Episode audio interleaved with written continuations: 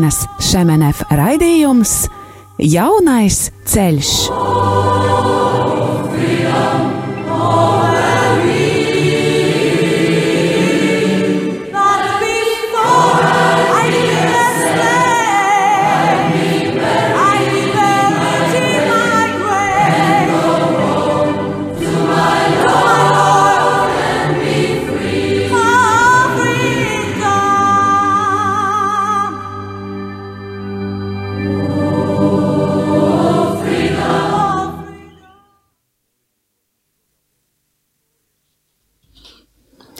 Labvakar, cienījamais klausītāji! Šeit uh, Radio Marijas studijā Liepājā esmu es Inese Mote un mans uh, palīgs tehniskajā, tehniskajos jautājumos šokar ir Valdemārs Afraunovs, kurš dara visu, lai mēs varētu šo raidījumu tiešām raidīt no Liepājas. Um, iepriekšējā raidījumā mēs runājām par um, kādas seks uz mūsu mentalitāti ir atstājis padomju totalitārismu režīms. Un eh, šodien es gribētu turpināt šo tēmu, lai arī varbūt tā nav tāda ļoti atbilstoša pirmās adventas svētdienas tēma, tomēr tā ir tēma, kas ļauj mums atskatīties uz mūsu dzīvēm, uz mūsu piedzīvoto un uz to, kā mēs dzīvojam varbūt šodien. Un to, turpinot iepriekšējā reizē iesākto tematu, gribu atskatīties dažām, uz dažiem pieturs punktiem, par ko mēs runājām. Un viens no tādiem spilgtākiem bija secinājums, kad mēs dzīvojām tajā laikā valstī, kur vāra balstījās uz bailēm un meliem. Un šī sistēma lika cilvēkiem izturēties kā liekuļiem nebija iespēja būt patiesiem, nebija atklātības. Vārds korupcija ir ne neiztrūkstošs šai sistēmai, un līdzīgi izkropļota bija kopējā labuma vērtība, nerunājot jau nemaz par cilvēka vērtību. Un šodien, turpinot šo tēmu, apskatot uh, kādas sekas tad ir atstājis mums tiešām šī dzīve režīmā, mūsu mentalitātei, eh, tas neapšaubām mūs ietekmēja. Mēs saņēmām visas iespējamās sekas, ko var dot tāds režīms, vai nu tas ir valstī vai ģimenē, bet sekas ir neizbēgams, un viena no sekām, kas ir eh, tāda spilgta, ir nepareizs sajūts par mums pašiem sajūta uz nevarību, un e, šai sajūtai seko pasivitāte.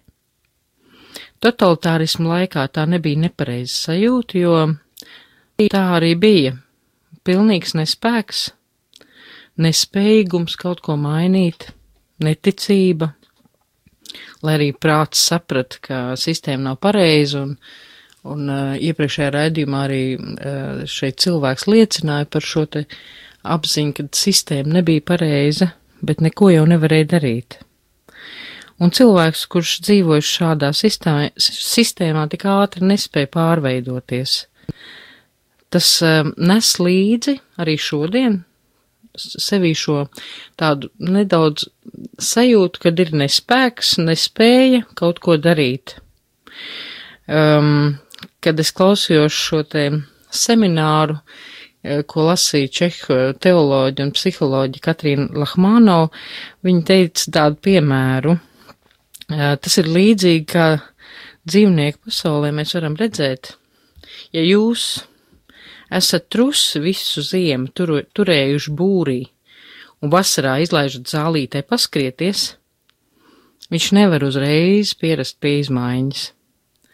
Priekšā ir zāliens, priekšā ir plašums, bet tas paliek uz vietas, uz saviem salmiem, ziemas salmiem, jo tas baidās, tas baidās no visa, tas baidās no pēkšņā plašuma, no tās zāliena, no tā svaiguma.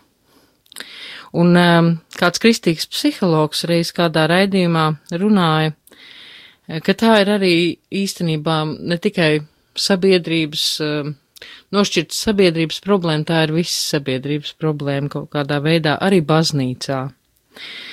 Daudzi cilvēki pat neapzināti ir sasaistīti no šīs nevarības, no šīs neuzdrīkstēšanās. Neko jau nevar izdarīt, tam nav jēgas. Labāk vispār palikt nepamanāmam, ir tāda mentalitātes iezīme, un neko nevajadzētu iesākt no jauna. Ir tāds, tāda cilvēka saka, ne, nevajag neko jaunu, tas var neizdoties. Tas taču nav piemērots mums, tas nav piemērots mūsu valstī, mūsu mentalitātei, mūsu raksturiem. Neko jaunu jau nevajag. Un es domāju eh, par tādu, eh, varbūt eh, saistībā ar mūsu kristīgo vidi, ka varbūt arī harizmātiskās atjaunotnes kustībai nemaz nebija tik viegli ienākt, būt pieņemtai mūsu kristīgajā vidē. Es domāju arī par to, ka varbūt nevienmēr ekumēnisms ir izprasts mūsu kristīgajā vidē tā, kad, eh, ar, ka tam vajadzētu ziedot laiku, ka tas ir kaut kas, kas var mūsu kristiešus vienot, mēģināt iet uz vienotību. Varbūt šodien jau tas ir labāk, bet bija pāris gadi atpakaļ, ka tas nebija tik vienkārši. Reizēm šī sajūta, tas neizdosies var piezakties jebkurā situācijā, kad ir kaut kas jāuzsāk, kaut kas jāuzsāk no jauna. Un eh, Bībelē, vecajā derē, derībā, Nehemijas grāmatā, ir tā, tāds uh, um, stāsts par tautu, kuru mēģina uzcelt un atjaunot Jeruzalemes izpostītos mūrus. Un uh, viņi tiek izsmieti uh, no ienaidnieka lai viņi ceļ ko celdami, ja labs uzkāps uz tā, tā sagraus viņu akmeņu mūrus, trešajā nodaļā mēs varam lasīt. Tāda moralizēšana, lai pateikt, ka tur nekas neizdosies, un tās ir nepareizas sajūtas. Nākamās sekas, kas var, var būt skaidri redzams mūsos, ir tā, ka, kas iesēdās cilvēka apziņā, bija tā, ka indivīds ir nulle padomu laikā. Tas bija ļoti izteikti, cilvēkam nav nekādas ietekmes, un es neko nevaru personīgi izdarīt. Un beig beigās tas mūs var novest līdz tādai sajūtai, ka par mani neviens neinteresējas. Un tā ir arī šodienas problēma gan cilvēku sociālās kopienās, gan arī sabiedrībā. Mūsos var izveidoties tāda attieksme. Bez mazvai e, tā izteikt savādākiem vārdiem neapdzēs to, kas tevi ne, neaizdedzinās, jeb e, neiesaisties, neuzsāc, jo var neizdoties. Un um, agrāk ir nācies iet garām uz ielas cilvēkam, e, kurš ir, kurš guļ vienkārši uz ielas vai nu kādā vārtrūmē, un mēs bieži vien ejam garām šādiem cilvēkiem un varbūt nodomājam, nu, tas ir gan jau alkoholiķis un tā jau ir viņa vaina. Tā ir viņa vaina, ka viņš ir tur, kur ir tagad. Un um, tā jau ir bijis īstenībā visā iepriekšējā sistēmā. Katrs rūpējās par sevi. Un bija tāda nogaidīšana, kas notiks, vai kāds cits pieies vai nē. Es arī pat uh, varu ieiet tādā upuru tēlā, ka es esmu nulle un citiem priekš manis ir kaut kas jādara. Un tā ir tāda mūsu pasīva attieksme. Mēs gaidām, lai maina kaut ko citu. Nevis eh, varbūt mēs gribētu sākt mainīties no sevis, bet mēs gaidām, lai maina citi vispirms. Un ja tad sāks izdoties, varbūt es pievienošos. Un Katrīna Lahmāno savā, savā seminārā stāstīja par uh, piemēru no Prāgas revolūcijas, kas bija, uh, tātad bija divas revolūcijas. Pirmā bija 68. gadā, un otrā jau vēlāk 1989. Un um, viņa pati ir bijusi studente, un um, viņa nedzīvoja Prāgā, bet Ostrovā augstskolā mācījās tur. Un studenti bija nolēmuši 89. gadā e, piedalīties tādā klusajā, klusajā manifestācijā. Un pēc, um, ko viņi darīja? Viņi vienkārši bija augstskolas priekšā nostājušies un uh, klusēja, stāvēja un klusēja. Un garām gāja cilvēki, jau varbūt gados vecāki, tie, kuri bija piedzīvojuši šo 68. gadu, kuri teica viņiem, ko jūs te stāvat, tāpat nekas neiznāks. Viņi bija piedzīvojuši to, ka viņi bija sodīti, ka viņi bija um, izsūtīti, viņi bija piedzīvojuši neveiksmi, un viņi neticēja jaunai veiksmei. Vai arī vienkārši noskatījās no malas, nu kas tagad būs? Šie studenti tur stāvēja, un interesanti, kas tagad notiks. Vai nāks viņus kāds arestēt, vai nenāks. Tātad es runāju pirmajā, um, pirmajā šādā um, posmā par divām lietām. Tātad indivīds ir nulle, un uh, ka mums ir nepareizs sajūts par mums pašiem, sajūta uz nevarību, kam seko pasivitāte. Mēs tālāk turpināsim par ievainojumu pret autoritāti, bet varbūt mēs noklausīsimies, kas par Dimitra dziesmu pasauli ir tāda skola, kas ļoti labi iedarās šajā tēmā.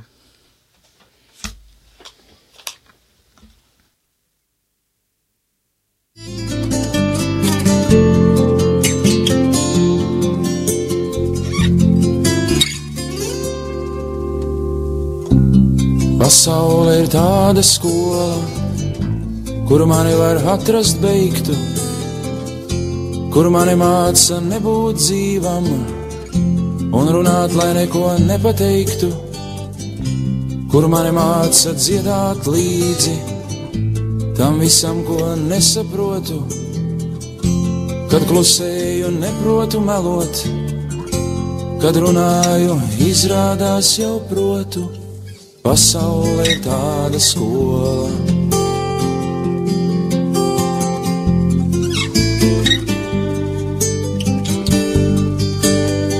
Pasaulē ir tāda skola.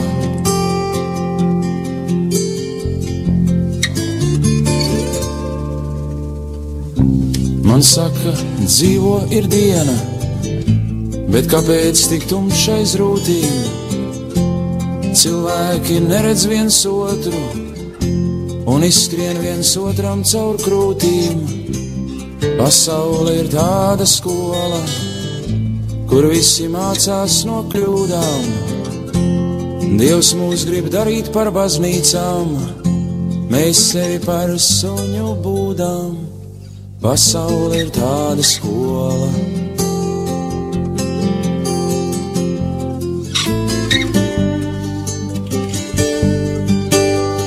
Pasaule ir tāda skola.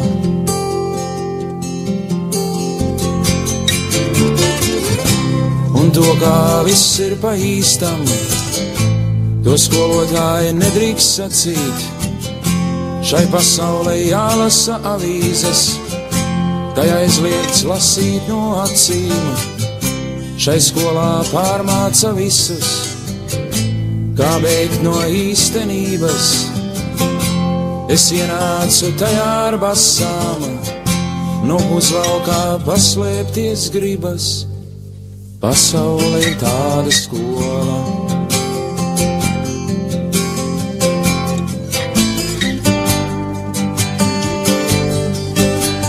Pasaule ir tāda skola.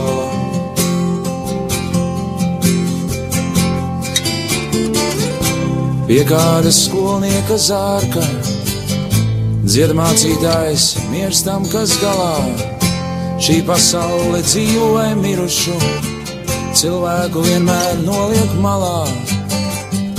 Šī pasaule tikai izliekas gudra un svin savu izlikšanos. Es labāk palieku par muļķi, ticu dievam un tinos. Pasaule ir tāda skola.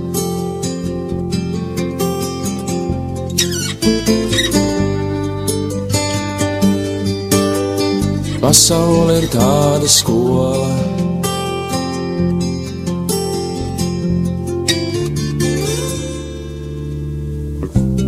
Pasaule ir tāda skola, kur mani var atrast beigtu, kur mani māca nebūt dzīvam un runāt, lai neko nepateiktu, kur mani māca dziedāt līdzi tam visam, ko nesaprotu, kad klusēju, neprotu melot, kad runāju, izrādās jau protu, pasaule ir tāda skola.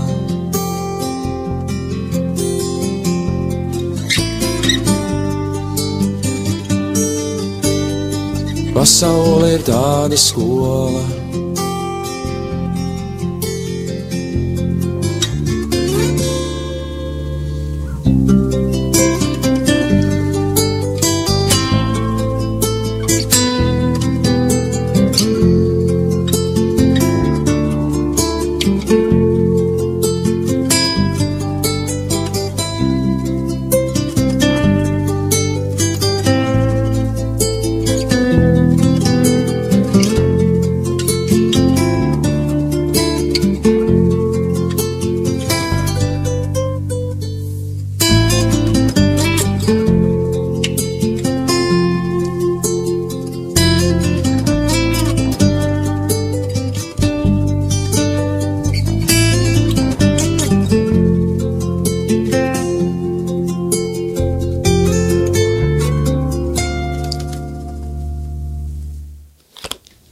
Tātad turpinot mūsu šo pārdomas par kādas seks uz mūsu mentalitāti atstāja, atstāja padomi totalitārismu režīms, viena no tādām ļoti spēcīgām sekām, kas mūs vēl joprojām ir iezīmējusi, ir um, ievainojums pret, tu, pret autoritāti, ievainojums attiecībā pret tiem, kuri ir autoritātes mūsu dzīvēs, un arī kristīgā vidē šī neusticēšanās, šaubīšanās, arī intrigas, nogaidīšana uz brīdi, kad autoritāte varbūt kļūdīsies, ka tā neizdarīs kaut ko priekš kopēju labumu, un, eh, bet izmantos priekš sevis.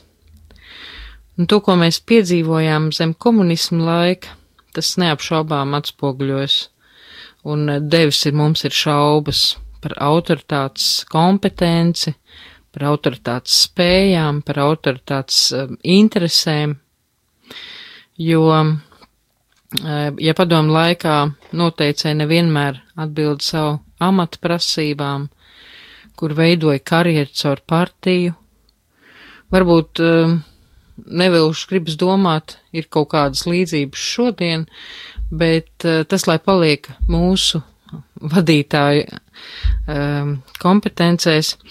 Un um, tad tā, tā, tas ir iezadzies šīs šaubas par tādu autoritātes um, gudrību, ka tā, um, varbūt tās ir arī tās iezīmes un sekas, kas velkas līdz, līdz šodienai un grūti būtu runāt tagad, um, jo mēs um, tā īsti vēl neesam šajā jautājumā dziedināti un atjaunojušies mūsu mentalitātē. Tas ievainojums ir bijis tik spēcīgs un tik nesen, kad viņš joprojām mums nāk līdzi. Izskatās tā, it kā mūsu valstī ir iezīdies cilvēkos kā vīrus, un ja mēs nelūksim palīdzību augstākam um, spēkam, mēs nevarēsim varbūt paši atbrīvoties no tā. Ja, protams, arī mēs negribēsim. Mums ir jāgrib, lai mēs varētu iet uz kādām izmaiņām. Pirms padomu režīmi atcerēsimies, ir vēsture, kas stāsta mums par Latviju, ka tā ir bijusi maza valsts, ir bijus, bijuši zināmi sasniegumi dzīves līmenī. Mums bija personības, godājumi pilsoņi, kas mīlēja šo valsti, kas strādāja Latvijas labā. Un Dievs mums ir eh, šeit dzimušajiem ir devis šo skaisto zemi par māju vietu. Un mums visiem būtu jāuzņemās kāda atbildība. Mēs nevaram tikai skatīties uz mūsu valdību un gaidīt, jo nevienmēr var sagaidīt. Un nevaram mēs arī tikai skatīties mūsu valdību un gaidīt, kad viņi kļūdīsies. Un vienā paralēlē ar padomu režīmu sekām, kas mums veidojas tagad, ir tā, ka tika pazaudētas tādas patriotismu jūtas uz mūsu zemi, uz to, kas mēs esam. Un es varu liecināt, ka esot mācībās Austrijā, svētdienās, ejot pastaigāties kalnos, varēja vērot austriešus, kuri arī atpūšoties devās pastaigās un kur nekautrējās nebūt vilkt tautiskus apģērbus, parādot, ka viņi ir austrieši. Parādīt, ka viņiem ir kaut kāda identitāte. Un neapšaubām šodien jau pēc gadiem mēs, kad, ja mēs sekojam līdz kādai sporta spēlei, kā tas bija šogad vasarā basketbolam vai tenisam, un mums bija prieks, ka mūsu komanda uzvarēja. Mēs bijām lepni, ka mēs bijām latvieši, vai uh, hokejā mē, mēs sekojam līdzi un zaudē komandu, mēs arī skumstam līdzi. Bet ir ļoti daudz citas nišas, kur esam zaudējuši savu patriotismu un dzimtenes mīlestību. Padomju gados visu mēģināja vienādot ar 15 valsts draudzīgām māsām, kuras tik ļoti bija atšķirīgas. Un līdz ar to tas eh, izskauda varbūt mūsu kaut kādas identitātes vērtības. Mēs nenovērtējām sevi, un uh, laika gaitā šajā padomju valstī dzīvojot, mums radās arī zināms kompleks, ir sevišķi tad, kad tik atvērts dzels aizkars, un mēs iepazinām rietumu pasauli un mēs sapratām, ka tur viss ir labāk uzreiz. vai tā bija patiesība vai nē, to mēs nevaram tagad izvērtēt, bet katrā gadījumā mums radās tāds iespējas ļoti daudziem cilvēkiem, kas tajā laikā pirmo reizi 90. gados izbraucām no mūsu valsts. Un eh, šis šis um, padomu laika reklāmas absurds par brūkošo kapitālismu un tagadējā apjausma, ka tā nemaz nav, tā nebija patiesība, kas mums bija savā laikā stāstīta. Un um, uh, mums tiešām radās šaubas par daudz ko iekšēji. Un uh, šī kompleksu ve veidošanās attiecībā ar rietumu valstīm mums nebūtu nemaz nepalīdzēja. Un, tas, un šis komplekss attiecībā pret attīstīto valstu cilvēkiem mums ir palicis, tas ir zemapziņā. Viņiem dod lielāku vērtību, nemācēt būt blakus kā līdzvērtīgam. Tas arī ir kaut kas, kas ir nācis mums no šīs um, padomu sistēmas. Un uh, vienlaicīgi attieksme pret mums jau arī no šo pārtikušo valsts cilvēkiem E, bija dažāda. Es atceros, kad um, mani uh, nosūtīja kopiena kalpošanā uz Vāciju, uz Berlīnas māju, un kad es uh, sāku iepazīties ar draudz cilvēkiem toreiz 2002. gadā, un es teicu, ka es uh, būšu mazliet tā kā mājas pārvaldnieks vai mājas menedžeris kopienas mājā, viņi man vairākas reizes pārjautāja, vai, vai es būšu istabene, jo viņi nevarēja noticēt, kā viena latviete um, varēja būt uh, tā, kura noteiks kārtību mājā, kurā dzīvoja vāciešu un franču brāļi un māsas. Um, to, tagad es varu to atcerēties ar smaidu, bet uh, 2002. gadā man tas smaids nemaz tā ne, neraisījās. Es ļoti labi atceros. Tas man iekšēji aizvainoja. Un šķa, šādus stāstus es esmu dzirdējis no daudziem, kur devušies studijā vai darbā kādās citās zemēs. Un varu teikt, ka mēs cilvēki esam ļoti līdzīgi. Mēs esam dzīvojuši režīmā, bet uh, tas mūs ir iespaidojis neapšaubām Bet uh, mēs cilvēki esam ļoti līdzīgi reakcijās. Ja man būtu jāturpina domāt par to, um, kad 2004. gadā es devos savā otrajā misijas braucienā uz Āfriku, kas ilga četrus gadus, pēc tam man vajadzēja laiku, lai es savus baltās ādas krāsas dēļ nolaistos no tādiem iedomātiem augstu, augstumiem attiecībās pret vietējiem iedzīvotājiem. Un uh, man vajadzēja laiku, lai es uh, šos Āfrikas iedzīvotājus pieņemtu līdzvērtīgi, tā kā es esmu savās iedomās. Un uh, tādi mēs esam. Uh, varbūt, ka mums latviešiem ir arī sava attieksme pret cit, citām tautībām, cilvēkiem. Um, kad es atgriezos un runāju par Āfriku, daudzreiz latvieši man ir teikuši, ai, nu, tie jau ir slinki tur, viņi negrib neko darīt. Tā, tā mēs varam runāt par cilvēkiem līdz brīdim, kamēr mēs viņus nepazīstam.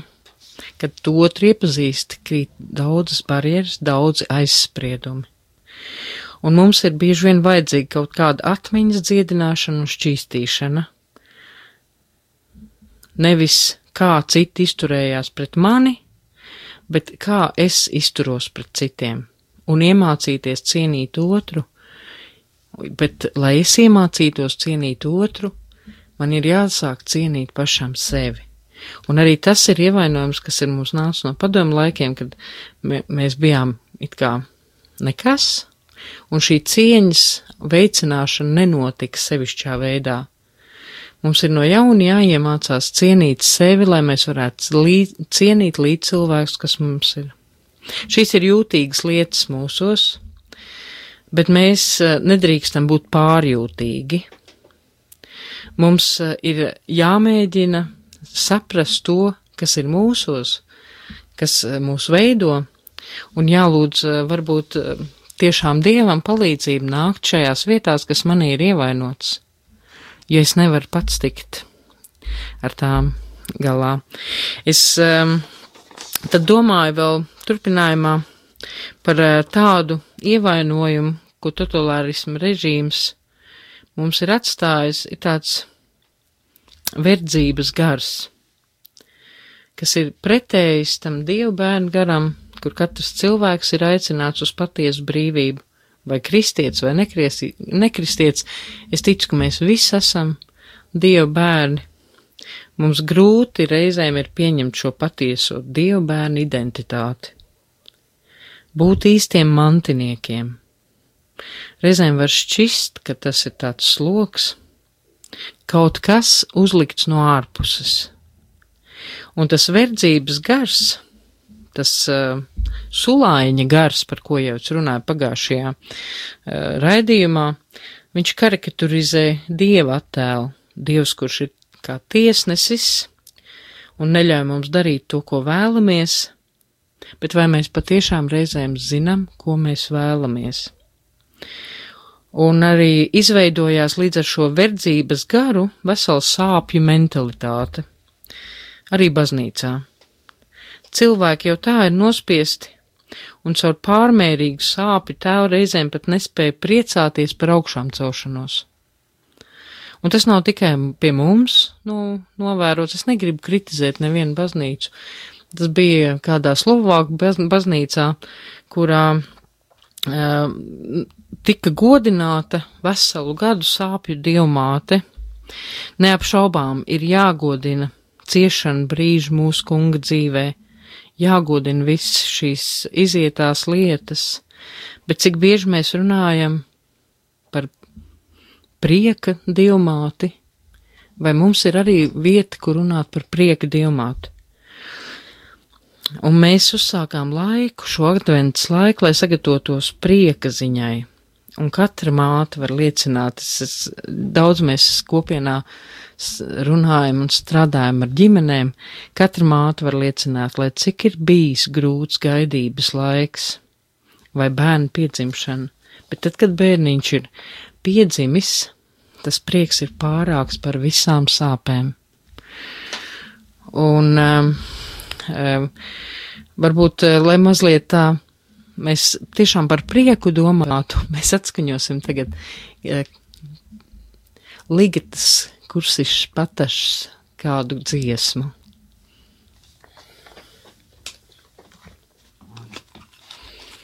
Gaiši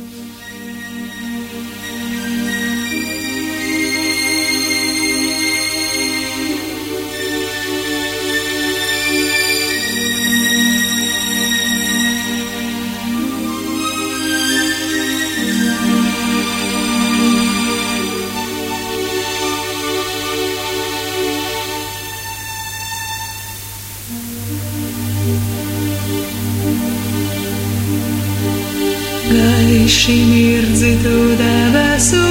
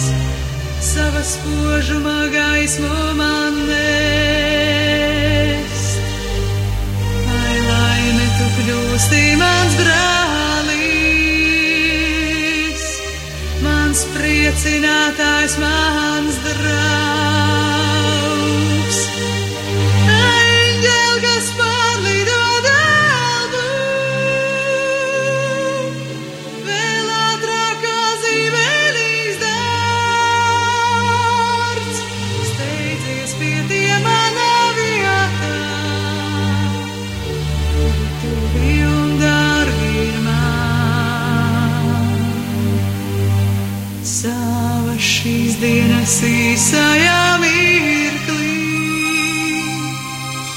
Es gribu vēl grēciniekus glābt. Tevi eseņģēlī gaišu, savu svētkvēli dodies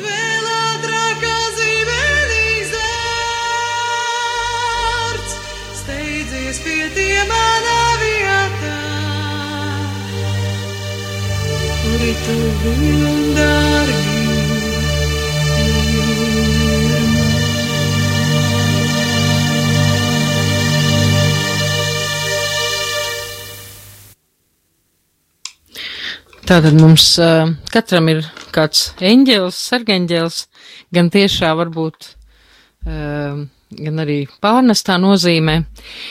Un um, turpināsim šo, šīs pārdomas par mūsu mentalitāti, par mūsu dzīvi un um, par mūsu uh, ievainojumiem. Un, un Katarīna Lahmānova, šī čehu teoloģe, kas runāja seminārā, viņa savā referātā pieminēja piemēru, ka 50. gados pagājušajā gadsimtā, tas ir 1950. gadā, Itālijā bija aizliegts runāt un godināt dievu žēlsirdību sevišķā veidā.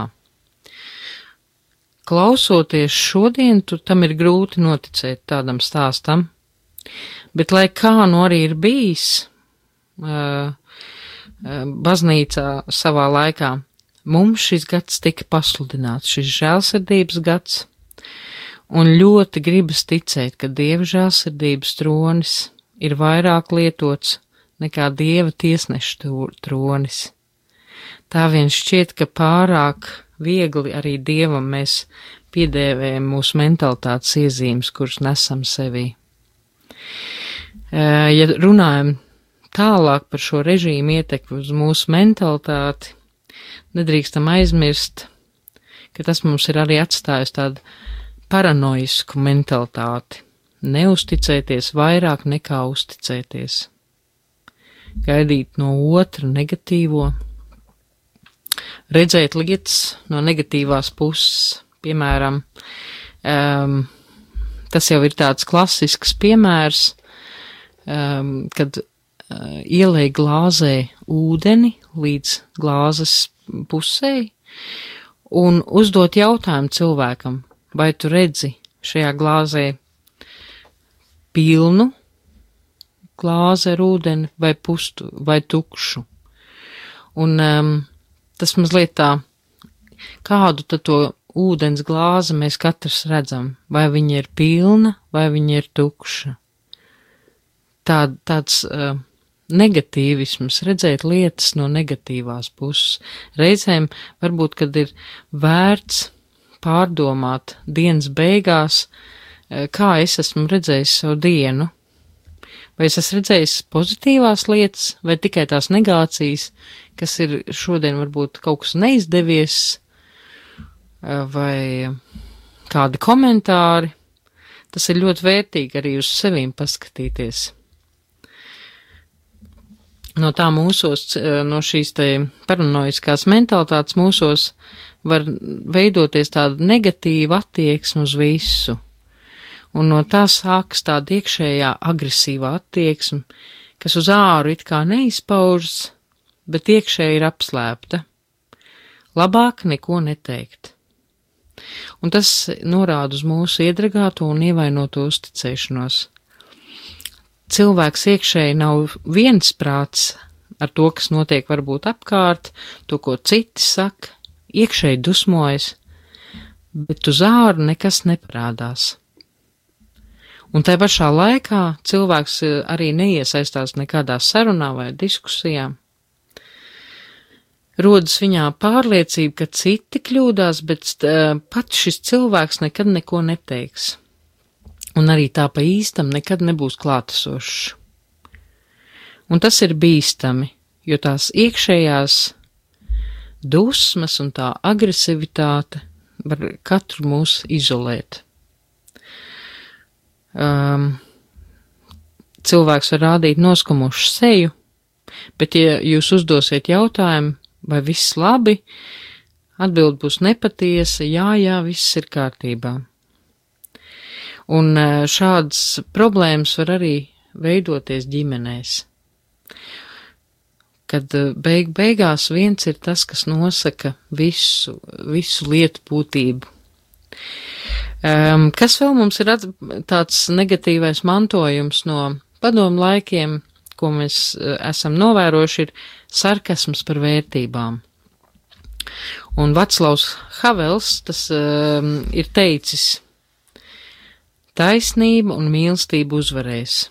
Neapšaubām mēs jau Bībelē šādus tekstus varam eh, dzirdēt, bet šis ir tāds uh, tomēr politiķis un uh, personība, kas ir teicis šādus vārdus savā laikā, un šodien Čehijā par šiem vārdiem cilvēks smejoties.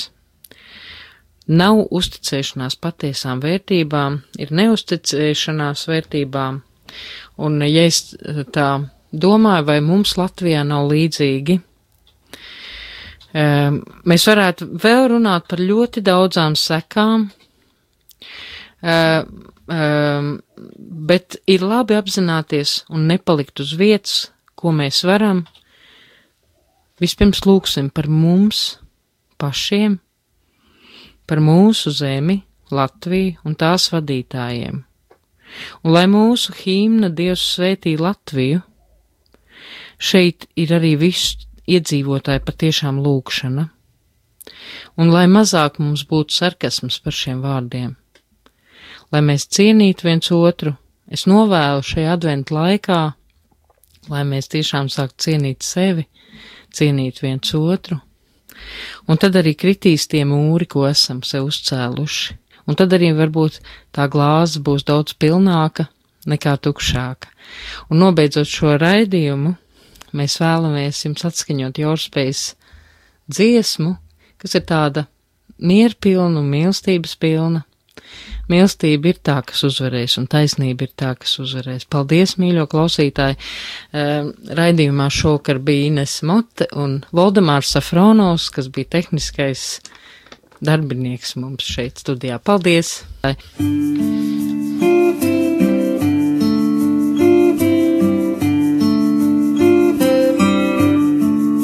Tad mīlestības mažo cāk, debesis ir tuvu klāt, kad sirds mūri sabruk cāk, debesis ir tuvu klāt, kad postā vietas